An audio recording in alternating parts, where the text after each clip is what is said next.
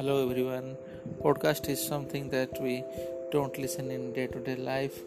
So here we will discuss some facts and some tips so that you can implement them in your life and make your life more beautiful.